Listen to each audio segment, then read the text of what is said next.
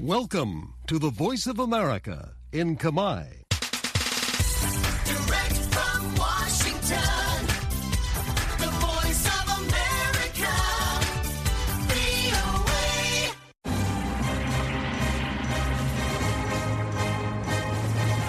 សួស្តីប្រិយមិត្តអ្នកស្ដាប់ជាទីមេត្រី នៅក្នុងកម្មវិធីផ្សាយតាមវិទ្យុរបស់ VOA នៅព្រឹកថ្ងៃសៅរ៍ទី3ខែកុម្ភៈឆ្នាំ2024នេះខ្ញុំជឹងពូជីននិងសហការីនៃក្រុមផ្សាយជាខេមរៈភាសាសូមស្វាគមន៍ប្រិយមិត្តពីរដ្ឋធានី Washington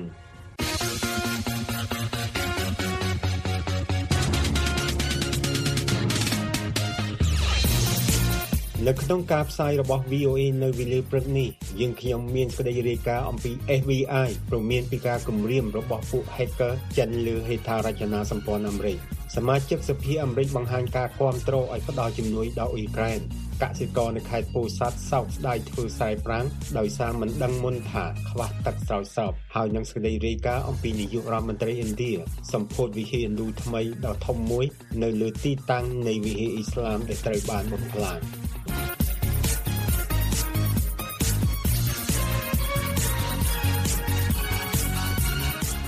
ពួក hacker របស់រដ្ឋាភិបាលចិនកំពុងផ្ដោតលើហេដ្ឋារចនាសម្ព័ន្ធសំខាន់ៗនៅក្នុងសហរដ្ឋអាមេរិកនេះបើតាមប្រសាសន៍របស់នាយកការិយាល័យសហព័ន្ធស៊ើបអង្កេតអាមេរិក FBI លោក Chris Wray ដែលបានប្រាប់សមាជិកសភាកាលពីថ្ងៃពុធទី31ខែមករាការព្រមាននេះកើតមានឡើងនៅពេលដែលរដ្ឋបាលលោក Biden ព្យាយាមផ្សារភ្ជាប់ទំនាក់ទំនងជាមួយអាមេរិកជាគន្លឹះក្នុងការកាត់បន្ថយភាពតានតឹងរវាងគូប្រជែងទាំងពីរ ប្រធានការិយាល័យ VOA នៃសេតវិមាន អ្នកស្រី Patsy Vidakuswara រាយការណ៍អំពីរឿងនេះលោកសុកខេមរាជួនសេចក្តីប្រាយសម្រួលដោយតទៅប្រព័ន្ធដឹកជញ្ជូនសាធារណៈគឺជាប្រព័ន្ធហេដ្ឋារចនាសម្ព័ន្ធសំខាន់មួយនៅអាមេរិកដែលកំណត់គោលដៅដោយចិននាយក FBI គឺលោក Christopher Wray ប្រាប់សមាជិកសភាកាលពីថ្ងៃពុធថា China's hackers are positioning on ពួក American hacker ចិនកំពុងដាក់គោលដៅលើហេដ្ឋារចនាសម្ព័ន្ធអាមេរិក ក្នុងការរៀបចំដើម្បីបំផ្លិចបំផ្លាញនិងបង្កគ្រោះថ្នាក់ក្នុងពិភពលោកពិតប្រាកដដល់ពលរដ្ឋនិងសហគមន៍អាមេរិកពេលចិនសម្រេចថាជាពេលត្រូវវាយប្រហារ ចិនធ្លាប់បានច្រានចោលការចោទប្រកាន់របស់អាមេរិកថាគ្មានមូលដ្ឋានការប្រមានរបស់លោក Ray កើតឡើងនៅពេលមន្ត្រីផ្សេងប្រឹងប្រែងផ្សារភ្ជាប់ទំនាក់ទំនងជាមួយចិនដោយចង្អុលទៅកិច្ចសហការថ្មីលើការប្រឆាំងគ្រឿងញៀនជាភ័ស្តុតាងនៃការបន្ថយនៅភាពតានតឹងភាគីទាំងពីរក៏បានចាប់ផ្ដើមការពិភាក្សាអំពីបញ្ញាសិប្បនិម្មិតនិងបន្តទំនាក់ទំនងរវាងយោធាទ្វេភាគីទីប្រឹក្សាសន្តិសុខជាតិសេតវិមានលោក Jake Sullivan ថ្លែងថា We agreed that President Biden and យើង President បានយល់ព្រមថាប្រធានាធិបតី Biden និងប្រធានាធិបតី Xi គួរតែនិយាយគ្នាតាមទូរស័ព្ទឆាប់ៗនេះហើយខ្ញុំគិតថាការទទួលស្គាល់ចេញពីកិច្ចប្រជុំ Woodside នៅ California រវាងលោក Biden និងលោក Xi ក្នុងខែវិច្ឆិកាថាពិតជាគ្មានអ្វីជំនួសការសន្ទនាផ្ទាល់រវាងអ្នកដឹកនាំទៅអ្នកដឹកនាំនោះទេបញ្ហាសំខាន់មួយគឺការបោះឆ្នោតប្រធានាធិបតីអាមេរិកនៅក្នុងខែវិច្ឆិកាដែលទីក្រុង Washington មានការប្រុងប្រយ័ត្នសូម្បីតែរូបភាពនៃការជ្រៀតជ្រែកពីសត្រូវ លោក Jeremy Suri បង្រៀនផ្នែកទំនាក់ទំនងអន្តរជាតិនៅសាកលវិទ្យាល័យ Texas នៅក្រុង Austin ថ្លែងប្រាប់ VOA តាមប្រព័ន្ធ Zoom ថា The Chinese will are likely to be pretty ចិនទំនងជាប្រុងប្រយ័ត្នចំពោះការជៀសជ្រែកជាពិសេសការបោះឆ្នោតប្រធានាធិបតីអាមេរិកខ្ញុំគិតថាយើងអាចនឹងឃើញការជៀសជ្រែករបស់ចិនខ្លះតាមរយៈកម្មវិធី bots និងសកម្មភាពតាមអ៊ីនធឺណិតទាក់ទងទៅនឹងការបោះឆ្នោតសភាមួយចំនួនជាពិសេសប្រសិនបើពួកគេឃើញសមាជិកសភាណាប្រឆាំងនឹងចិនថាតើលោកស៊ីជីនពីងបានសន្យាជាមួយនឹងលោកโจ Biden ក្នុងកិច្ចប្រជុំចុងក្រោយនៅខែវិច្ឆិកាថាចិនមិនជ្រៀតជ្រែកការបោះឆ្នោតអាមេរិកដែរឬទេនេះជាអ្វីដែលលោក John Kirby នៃក្រមប្រឹក្សាសន្តិសុខជាតិបដិសេធមិនបញ្ជាក់ And we've been clear. Uh, យើងបានបញ្ជាក់ច្បាស់លាស់ជាសាធារណៈនិងជាលក្ខណៈឯកជនជាមួយអន្តរការីជុំវិញពិភពលោកថាយើងនឹងធ្វើអ្វីដែលយើងត្រូវធ្វើឲ្យប្រកាសថាការបោះឆ្នោតរបស់យើងមានភាពសេរីនិងយុត្តិធម៌ហើយដូចជាការបោះឆ្នោតពីមុននឹងទៅមុខដែរ ក្រៅពីបញ្ហាតានតឹងថ្មីដែលអាចកើតឡើងក្រោយពេលរកម្មរកោសឆ្នាំមុនដែលរួមទាំងការបង្ហោះប៉ោងប៉ោងចិនដើម្បីឆ្លប់យកការលើអាមេរិកទំនាក់ទំនងជាទូទៅមានស្ថិរភាពលោក Rana Mitter សាស្ត្រាចារ្យនៃទំនាក់ទំនងរវាងសហរដ្ឋអាមេរិកនិងចិននៅសាលា Harvard Kennedy School ថ្លែងតាមរយៈប្រព័ន្ធ Skype ថា There's been very active moves by the Biden administration មានសកម្មភាពសកម្មពីរដ្ឋបាល Biden ពីរដ្ឋាភិបាលអាមេរិកដែលព្យាយាមស្វែងរកចំណុចមិនតឹងតែងដែលចិនអាចចូលរួមបាន ហើយខាងភាគីចិនហាក់ដូចជាមានឆន្ទៈច្រើនជាង1ឆ្នាំឬ2ឆ្នាំមុនភាពមិនតានតឹងនោះអាមេរិកចង់រក្សាឲ្យបានដោយសារសង្គ្រាមនៅមជ្ឈិមបូព៌ាអាចរីកធំឡើង ពីរដ្ឋធានី Washington ខ្ញុំសុកខេមរា VOA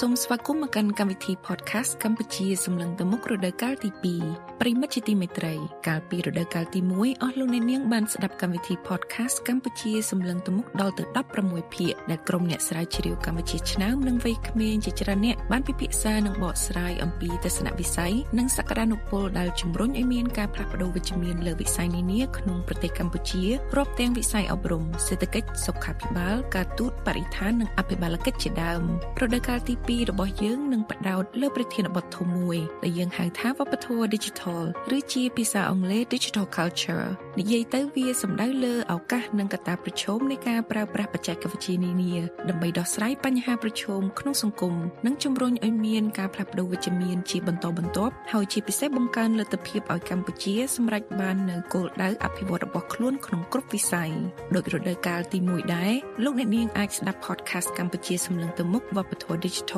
ឬ Digital Culture នេះតាម Apple Podcast Google Podcast Spotify និងតាមគេហទំព័ររបស់យើង khmer.voanews.com/envisioncambodia digital culture ហើយសូមកុំភ្លេច subscribe សូមអរគុណ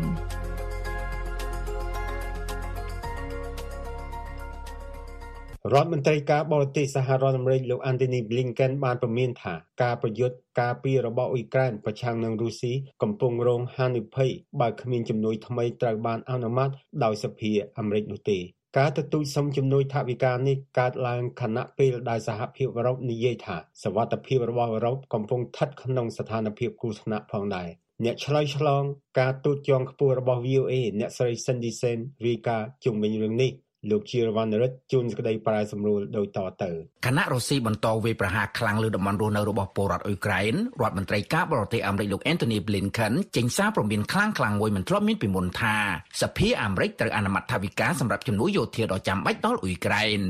It is vital that Congress វាជាការសំខាន់ដែលសភាត្រូវអនុម័តថវិកាបន្ថែមបើគ្មានថវិកានេះទេអ្វីគ្រប់យ៉ាងដែលអ៊ុយក្រែនសម្រេចបាននិងអ្វីដែលយើងបានជួយរងហានិភ័យ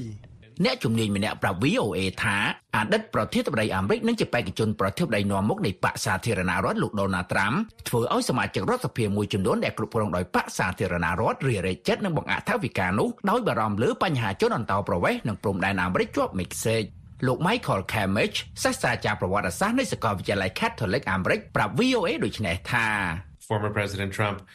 លោក Donald Trump ទំនងជានឹងត្រូវតែងតាំងជាបេក្ខជនប្រធានាធិបតីបកសាធារណរដ្ឋពាក្យសម្ដីលោកលើវិបត្តិអ៊ុយក្រែនចាប់ផ្ដើមមានទម្ងន់ហើយបញ្ហាអ៊ុយក្រែននឹងមិនទៅមុខទេដែលនេះជាការបង្កើតឧបសគ្គដល់រដ្ឋបាលលោក Biden ក្នុងការឃោសនាកាលពីថ្ងៃទី27ខែមករាក្នុងរដ្ឋ Nevada លោកត្រាំប្រឆាំងនឹងការអនុម័តថវិកា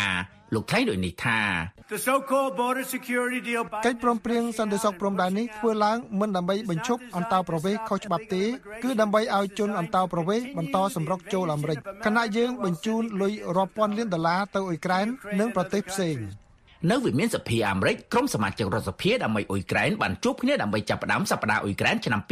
2024ដែលចូលរួមដោយយោធាអ៊ុយក្រែនសមាជិកសភានិងមន្ត្រីជាច្រើនសមាជិកសភាជាច្រើនអ្នកបង្ហាញការគាំទ្រដល់អ៊ុយក្រែនដែលរួមមានសមាជិករដ្ឋសភានៃបកសាធារណរដ្ឋម្នាក់គឺលោក Andy Harris នៃរដ្ឋ Maryland លោក Andy Harris ថ្លែងដូចនេះថា Uh, the bottom line is this issue ចំណុចសំខាន់គឺថាបញ្ហានេះមិនមែនជារឿងរបស់បកប្រជាធិបតេយ្យឬសាធារណរដ្ឋទេឬរបស់អ្នកស្ដាំនិយមឬឆ្វេងនិយមជ្រុលនោះទេនេះជាបញ្ហាដែលពលរដ្ឋអាមេរិកាំងយល់ស្រប សមាជិករដ្ឋសភានៃបកប្រជាធិបតេយ្យអ្នកស្រី Marcy Kaptur ថាជំនួយយោធាអាមេរិកកំពុងត្រូវការក្នុងពេលនេះ Now is the moment for our nation and this Congress នេះជាពេលដែលប្រទេសយើងនិងសភាអាមេរិកត្រូវបញ្ជាក់ការតាំងចិត្តឡើងវិញលើនយោបាយការបរទេសមួយដែលលើកកម្ពស់សេរីភាពនៅជុំវិញពិភពលោក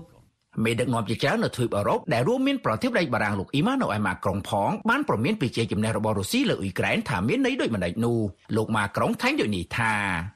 So the cost, the real cost on the short to long run វាមានគ្រោះថ្នាក់ខ្លាំងសម្រាប់យើងនៅពេលដែលរុស្ស៊ីឈ្នះសង្គ្រាមនៅអ៊ុយក្រែនហេតុនេះហើយចម្លើយដ៏ត្រឹមត្រូវនោះគឺយើងត្រូវជួយដល់អ៊ុយក្រែនក្នុងឆ្នាំនេះនិងឆ្នាំខាងមុខទៀតទោះយូរប៉ុណ្ណាឬចំណាយអស់ប៉ុន្មានក៏ដោយ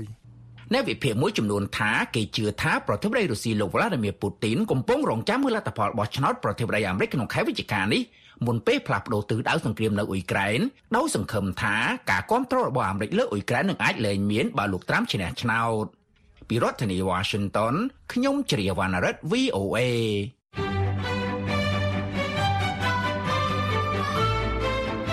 ប្រិយមិត្តជាទីមេត្រីឥឡូវនេះកម្មវិធី Hello VOA ស្ដីពីសុខភាពដែលតែងតែចាក់ផ្សាយនៅរៀងរាល់ថ្ងៃប្រហ័សសប្តាហ៍ទី3នៃខែនីមួយៗក៏មានជាវីដេអូផងដែរលោកអ្នកនាងអាចទស្សនាកម្មវិធី Hello VOA ស្ដីពីសុខភាពនេះបាន ដោយចូលទៅកាន់គេហទំព័ររបស់យើងខ្ញុំ ដែលមានអាសយដ្ឋាន khmer.voanews.com រួចចុចលើពាក្យកម្មវិធី Hello VOA នោះលោកអ្នកនឹងចូលទៅដល់ទំព័រមួយទៀត ដែលមានកម្មវិធី Hello VOA សុខភាពហើយលោកអ្នកនាងអាចទស្សនាវីដេអូមួយណាក៏បាន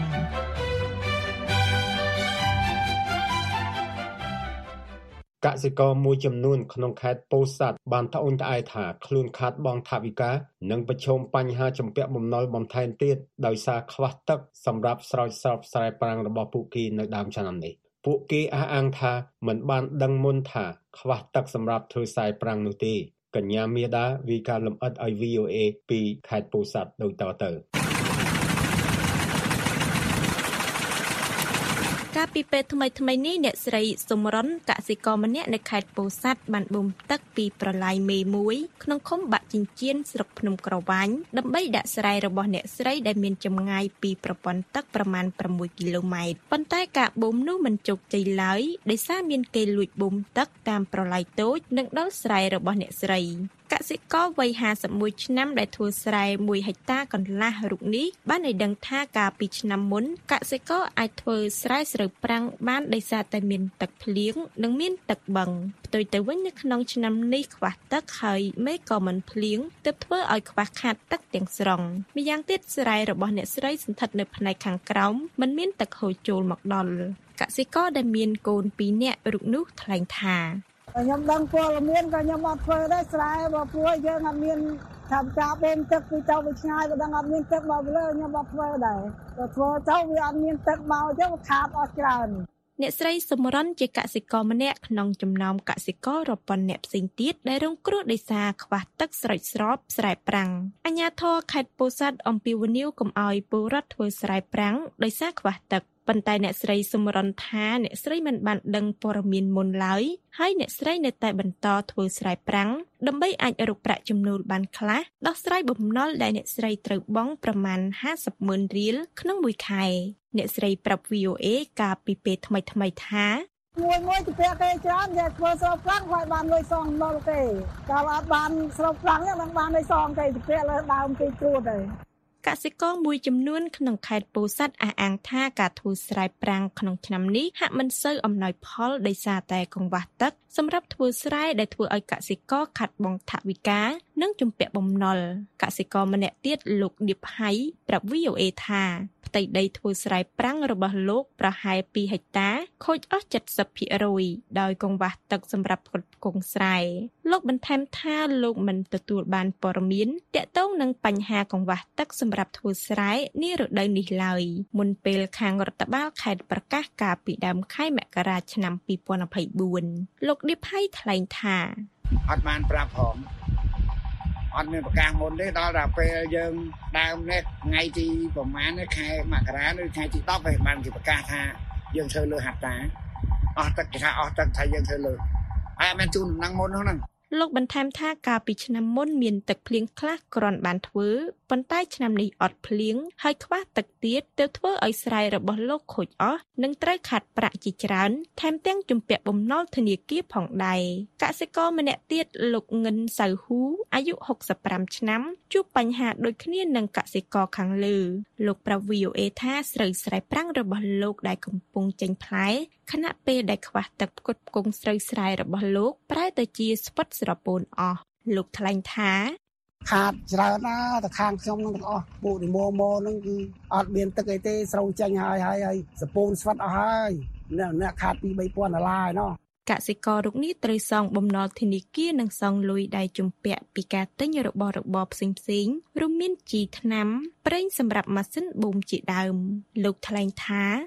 យកឆ្នាំហ្នឹងជាពាក់លុយគេច្រើនដោយសារលុយជីផងលុយទិញប្រេងបូមម៉ាស៊ីនដាក់ផងយើងទិញថ្នាំគេ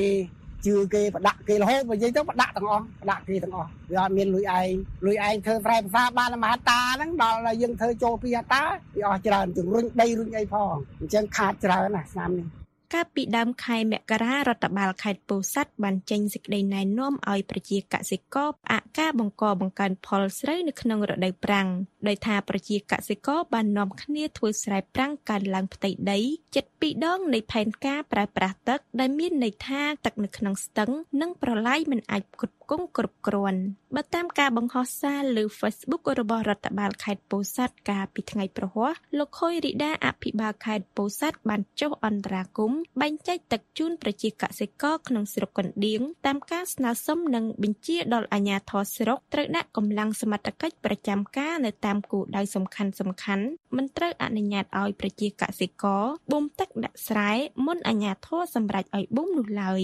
លោកខុយរីដាអភិបាលខេត្តពោធិ៍សាត់ប្រាប់ VOA នៅថ្ងៃសុក្រនេះថាក្នុងរយៈពេល10ថ្ងៃខាងមុខនេះប្រសិនបើទឹកនៅក្នុងអាងស្តុកទឹកដល់គំនូដែលត្រូវបញ្ឈប់អាជ្ញាធរនឹងផ្អាកការអន្តរាគមន៍ផ្ដល់ទឹកសម្រាប់ពលរដ្ឋនៅក្នុងការធ្វើស្រែព្រោះដើម្បីទុកទឹកប្រើប្រាស់សម្រាប់ជីវភាពប្រចាំថ្ងៃ ជាពិសេសការបរិភោគលោកខុយរីដាថ្លែងថា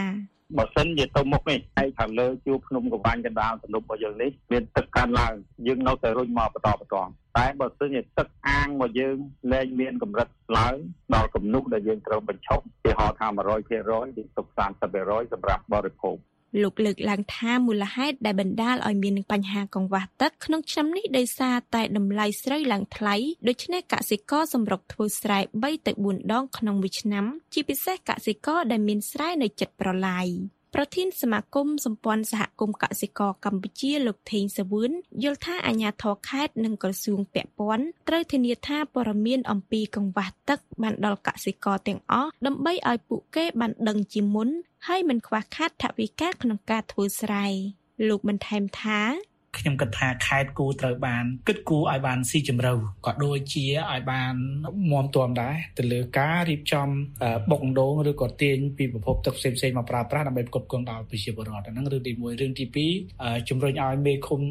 អាបាស្រុកឬក៏ថ្នាក់ដឹកនាំក្រសួងផ្សេងផ្សេងទៀតគិតគូរក្នុងការឆ្លើយតបនិងដោះស្រាយបញ្ហាចំពោះមុខថាតើគូទាញទឹកឬក៏ប្រភពទឹកពីកន្លែងណាបាន VOA ពុំតាន់អាចសុំការអត្ថាធិប្បាយពីកញ្ញាអឹមរចនាអ្នកនាំពាក្យក្រសួងកសិកម្មនិងលោកច័ន្ទយុធា អ្នកនាំពាក្យក្រសួងធនធានទឹកបាននៅឡើយទេរាយការណ៍ពីខេត្តពោធិ៍សាត់នាងខ្ញុំមាសដា VOA Voice of America.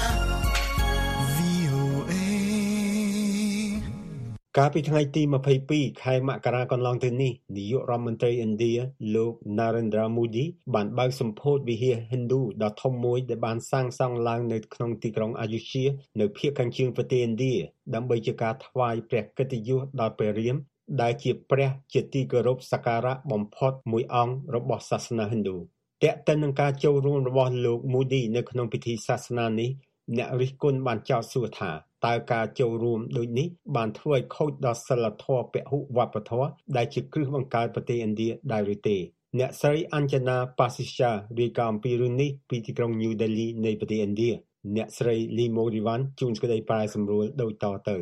នៅពេលដែលអាចារ្យ Hindu ធ្វើពិធីសាសនានាយករដ្ឋមន្ត្រីឥណ្ឌាលោក Narendra Modi បានបើកសម្ពោធវិហារ Hindu ដ៏ធំមួយកាលពីថ្ងៃទី22ខែមករាកន្លងទៅនេះដើម្បីជាការថ្វាយព្រះកិត្តិយសដល់ព្រះរាម ដែលជាព្រះជាទីគោរពសក្ការៈបំផុតមួយអង្គរបស់សាសនា Hindu ព្រះវិហារនេះត្រូវបានសាងសង់ឡើងក្នុងទីក្រុងអយុធ្យា នៅភាគខាងជើងប្រទេសឥណ្ឌាវិហារដែលសង់ឡើងពីថ្មភក់ពណ៌ផ្កាឈូកនិងមានក្បាច់រចនាដ៏ស្រស់ស្អាតនេះស្ថិតនៅលើទីតាំងនៃវិហារអ៊ីស្លាមសម័យមូហ្គាល់សតវត្សទី16 ដែលត្រូវបានបំផ្លាញដោយវងមនុស្សកាន់សាសនា Hindu កាលពី3ទសវត្សរ៍មុនបន្ទាប់ពីរូបចម្លាក់ព្រះរាមដែលសង់ពីថ្មពណ៌ខ្មៅត្រូវបានបើកបង្ហាញមកលោកម៉ូឌីបានប្រាប់ក្រុមមនុស្សដ៏ច្រើនសន្ធឹកសន្ធាប់ថាព្រះរាមរបស់យើង បានយាងមកដល់ហើយការលះបង់និងការអត់ធ្មត់រាប់សតវត្សកន្លងមក បានធ្វើឲ្យយើងសម្រេចបំណងហើយលោកម៉ូឌីបានបន្ថែមថាករណីនេះបាននាំមកនៅថ្ងៃថ្មី សម្រាប់យុគសម័យថ្មីមួយ ពិធីសម្ពោធវិហាររ៉ាម៉ាន់ឌីដែលតបតែងដោយផ្កាលាតសន្ធឹងលើផ្ទៃដីជាង3ហិកតានេះគឺជាការបំពេញតាមការសន្យារបស់គណៈបកបារ៉ាទីយ៉ាចាណាតារបស់លោកម៉ូឌីដែលបានដឹកនាំចលនាមួយអស់រយៈពេលមួយទសវត្សរ៍ឲ្យមានការសាងសង់វិហារនេះនៅលើទីតាំងនៃវិហារអ៊ីស្លាមសម័យមូហ្គាល់នោះអ្នកកាន់សាសនាហិណ្ឌូជឿថាវិហារអ៊ីស្លាមសម័យមូហ្គាល់នេះ ត្រូវបានសាងសង់ឡើងនៅលើទីតាំងរបស់វិហារបុរាណចាស់ទ្រុឌទ្រោមដែលត្រូវបានគេសម្គាល់ថាជាកន្លែងកំណើតរបស់ព្រះរាមក៏ប៉ុន្តែសម្រាប់អ្នកកាន់សាសនាអ៊ីស្លាមជាច្រើន វិហារហិណ្ឌូថ្មីនេះគឺជាការរំលឹកដល់ការបំផ្លិចបំផ្លាញវិហារអ៊ីស្លាមនោះនៅខែធ្នូឆ្នាំ1992ក្រុមសកម្មជនហិណ្ឌូស្ដាំនិយមដ៏ច្រើនសន្ធឹកសន្ធាប់បានប្រើញញួរពូថៅនិងដៃទទេដើម្បីវាយកំទេចវិហារអ៊ីស្លាមនោះ ករណីនេះបានបង្កឲ្យមានកុបកម្មសាសនានៅទូទាំងប្រទេសឥណ្ឌាដែលបានធ្វើឲ្យមនុស្សជិត2000នាក់ស្លាប់វាជាអំពើហិង្សាសហគមន៍ដ៏អាក្រក់បំផុត ដែលបានកើតឡើងនៅក្នុងប្រទេសឥណ្ឌាចាប់តាំងពីប្រទេសនេះបានទទួលឯករាជ្យមកព្រឹត្តិការណ៍សាសនានេះគឺជាការបង្ហាញឲ្យឃើញអំពីសារៈសំខាន់ជាប្រវត្តិសាស្ត្រនិងថ្នាក់ជាតិមួយនៅក្នុងប្រទេសដែលមានប្រជាជនភាគច្រើនជាអ្នកកាន់សាសនាហិណ្ឌូក្នុងចំណោមមនុស្សជាង7000នាក់ ដែលបានមើលឃើញពិធីសម្ពោធដែលចាក់ផ្សាយតាមផ្ទាំងសម្ពុតសដ៏ធំនៅខាងក្រៅវិហារនេះនៅក្នុងទីក្រុងតូចមួយគេក៏ឃើញមានវត្តមានអ្នកនយោបាយកម្ពូលកម្ពូលមហាសេដ្ឋីនិងតារាភាពយន្ត Bollywood ផងដែរឧទ្ធម្ភាគចក្ររបស់ទ័ពអាកាសឥណ្ឌាបានបាចផ្កាលើវិហារនោះរដ្ឋាភិបាលឥណ្ឌាបានប្រកាសឲ្យមានការឈប់សម្រាកកន្លះថ្ងៃ នៅក្នុងទីក្រុងអយុធយាអ្នកកាន់សាសនាហិណ្ឌូ បានវាយស្គរនិងរាំគ្រាដែលគេចាក់ចម្រៀងសាសនា តាមឧបករណ៍បំពងសំឡេងរីឯនៅតាមទីក្រុង ទីប្រជុំជន និងភូមិនានាវិញ ដែលភាពរំភើបសប្បាយរីករាយបានកើតមានឡើងអស់ជាច្រើនសប្តាហ៍មកហើយមនុស្សជាច្រើនបានអុជចង្គៀងនៅលើដីដើម្បីបំភ្លឺនៅពេលដែលពួកគេធ្វើតាមការអំពាវនាវរបស់លោកម៉ូឌីឲ្យមានការប្រារព្ធពិធីនេះដូចទៅនឹងការប្រារព្ធពិធីបុណ្យហិណ្ឌូ Diwali ដ៏ធំបំផុតដូច្នោះដែរ ទង់ពណ៌លឿងទុំដែលមានរូបព្រះរាមត្រូវបានគេដោតនៅខាងក្រៅផ្ទះនិងហាងជាច្រើនមនុស្សរាប់លាននាក់បានមើលការផ្សាយអំពីពិធីនេះតាមកញ្ចក់ទូរទស្សន៍នៅតាមផ្ទះរបស់ពួកគេក៏ប៉ុន្តែទោះជាយ៉ាងនេះក៏ដោយក៏មេដឹកនាំសាសនាហិណ្ឌូមួយចំនួនបានបដិសេធមិនចូលរួមនៅក្នុងពិធីសម្ពោធនេះដោយនិយាយថាការធ្វើពិធីសាសនានៅក្នុងវិហារនេះ គឺជាការប្រឆាំងនឹងសាសនាហិណ្ឌូដោយសារតែផ្នែកខ្លះនៃវិហារនេះនៅមិនទាន់បានសង់រួចរាល់នៅឡើយគណៈបកប្រឆាំងភាគច្រើនក៏មិនបានចូលខ្លួនពាក់ព័ន្ធនឹងការសម្ពោធវិហារនេះដែរដោយបានចោទលោកនាយករដ្ឋមន្ត្រីម៉ូឌីថាបានប្រើប្រាស់ពិធីសម្ពោធវិហារនេះដើម្បីកេងចំណេញផ្នែកនយោបាយមេដឹកនាំគណៈបក Congress លោក Rahul Gandhi បានហៅការសម្ពោធនេះថាជារឿងនយោបាយទាំងស្រុងរបស់លោក Narendra Modi នៅមុនការឧទ្ទិសវិហារនេះលោក Modi បានចាប់ផ្ដើមធ្វើពិធីឲ្យខ្លួនមានភាពស្អាតបរិសុទ្ធតាមបែបសាសនាហិណ្ឌូរយៈពេល11ថ្ងៃដែលរួមមានការតមអាហារនិងការធ្វើទស្សនកិច្ចទៅកាន់វិហារហិណ្ឌូនានានៅទូទាំងប្រទេសផងដែរលោកបានធ្វើជាអធិបតីនៅក្នុងពិធីសាសនានេះអ្នករិះគន់នានាបានចោទលោកម៉ូឌីថាបានធ្វើឲ្យមានភាពមិនច្បាស់លាស់រវាងសាសនានិងរដ្ឋនៅក្នុងប្រទេសមួយ ដែលគោរពតាមរដ្ឋធម្មនុញ្ញបែបអាណាចក្រអ្នកវិភាគនយោបាយលោក Rashid Khidwai បាននិយាយថាវិហារនេះត្រូវបានលើកដំកើងដោយលោកម៉ូឌីថាជាចំណុចខ្ពស់មួយនៅក្នុងប្រវត្តិសាស្ត្រអរិយធម៌របស់ប្រទេសឥណ្ឌាគណៈបកបារ៉ាទីយ៉ាចាណាតា បានបង្ហាញដោយគ្មានលាក់លៀមថា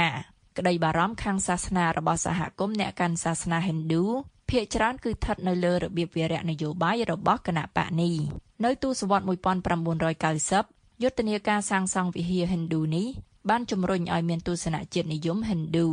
ហើយបាននាំឲ្យគណៈបកបារ៉ាទីយ៉ាចាណាតាដែលមុនពេលនោះគ្រាន់តែជាគណៈបកនយោបាយបន្ទាប់បន្សំមួយប៉ុណ្ណោះคล้ายទៅជាកម្លាំងនយោបាយមួយដ៏មានឥទ្ធិពលអ្នកកាន់សាសនាហិណ្ឌូជាច្រើនមានអារម្មណ៍រំជើបរំជួលនៅពេលដែលវិហារដែលមានតម្លៃ217លានដុល្លារនេះបានបើកសម្ពោធមនុស្សជាច្រើនបាននិយាយថា ការឃើញរូបចម្លាក់ថ្មខ្មៅកម្ពស់1ម៉ែត្រ30សង់ទីម៉ែត្ររបស់ព្រះរាម ដែលដាក់បង្ហាញនៅក្នុងវិហារនេះគឺជារឿងដ៏រំជួលចិត្តលោកនីតិនកូម៉ាបាននិយាយនៅក្នុងទីក្រុង New Delhi ថាខ្ញុំពិតជាសប្បាយចិត្តវាគឺជារឿងជំនឿសម្រាប់ខ្ញុំវិហារដ៏ប្រណិតដែលស្ថិតនៅលើផ្ទៃដី28ហិកតានេះបានសាងសង់ឡើងនៅលើទីតាំងសាសនាមួយ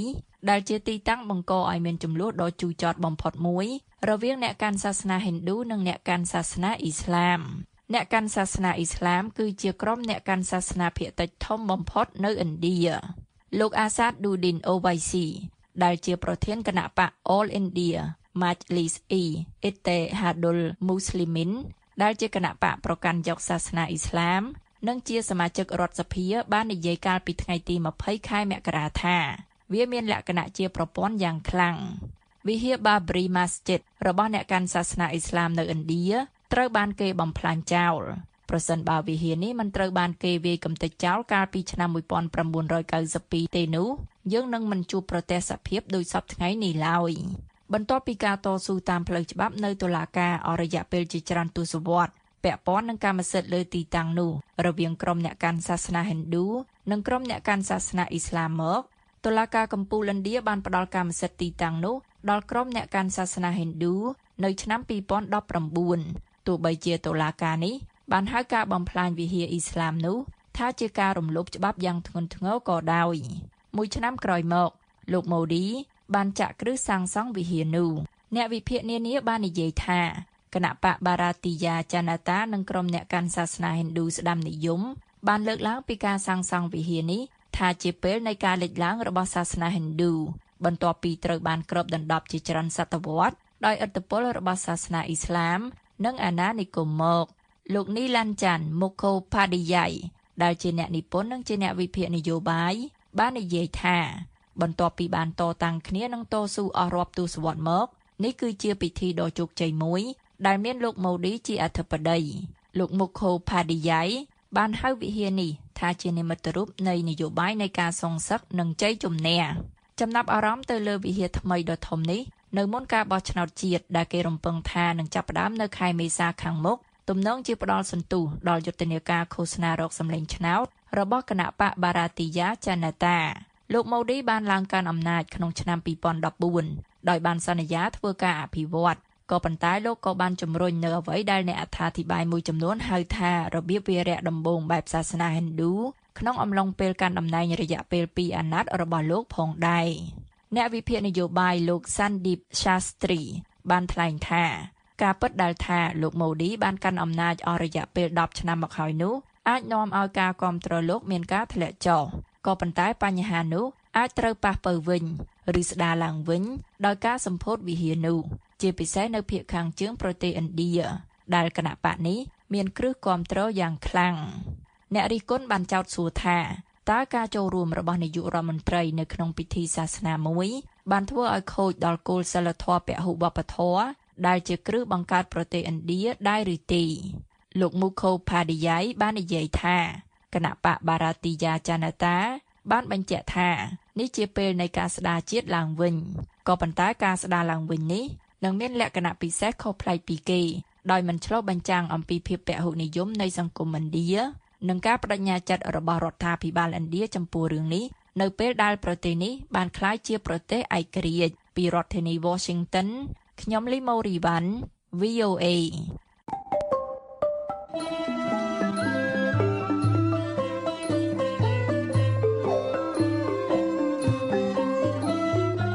កម្មវិធីផ្សាយរបស់ VOA នៅព្រឹកនេះចាប់តែត្រឹមនេះសូមអរលោកអ្នករងចាំស្ដាប់ សេចក្តីរាយការណ៍ព័ត៌មានជាតិនិងអន្តរជាតិរបស់ VOA នៅក្នុងការផ្សាយបន្តផ្ទាល់របស់យើងខ្ញុំនៅរាត្រីនេះទៀតពីម៉ោង8:30នាទីដល់ម៉ោង9:30នាទីតាមរលកវិទ្យុ 25m ត្រូវនឹងកម្រិត11695និង1575 kHz ឬតាមប្រព័ន្ធអ៊ីនធឺណិតដែលមានអាសយដ្ឋានខ្មែរ .voenews.com សូមអរលោកអ្នកបានប្រកបដោយសេចក្តីសុខនិងសុភមង្គលគ្រប់ប្រការ អារុនសុស្ដី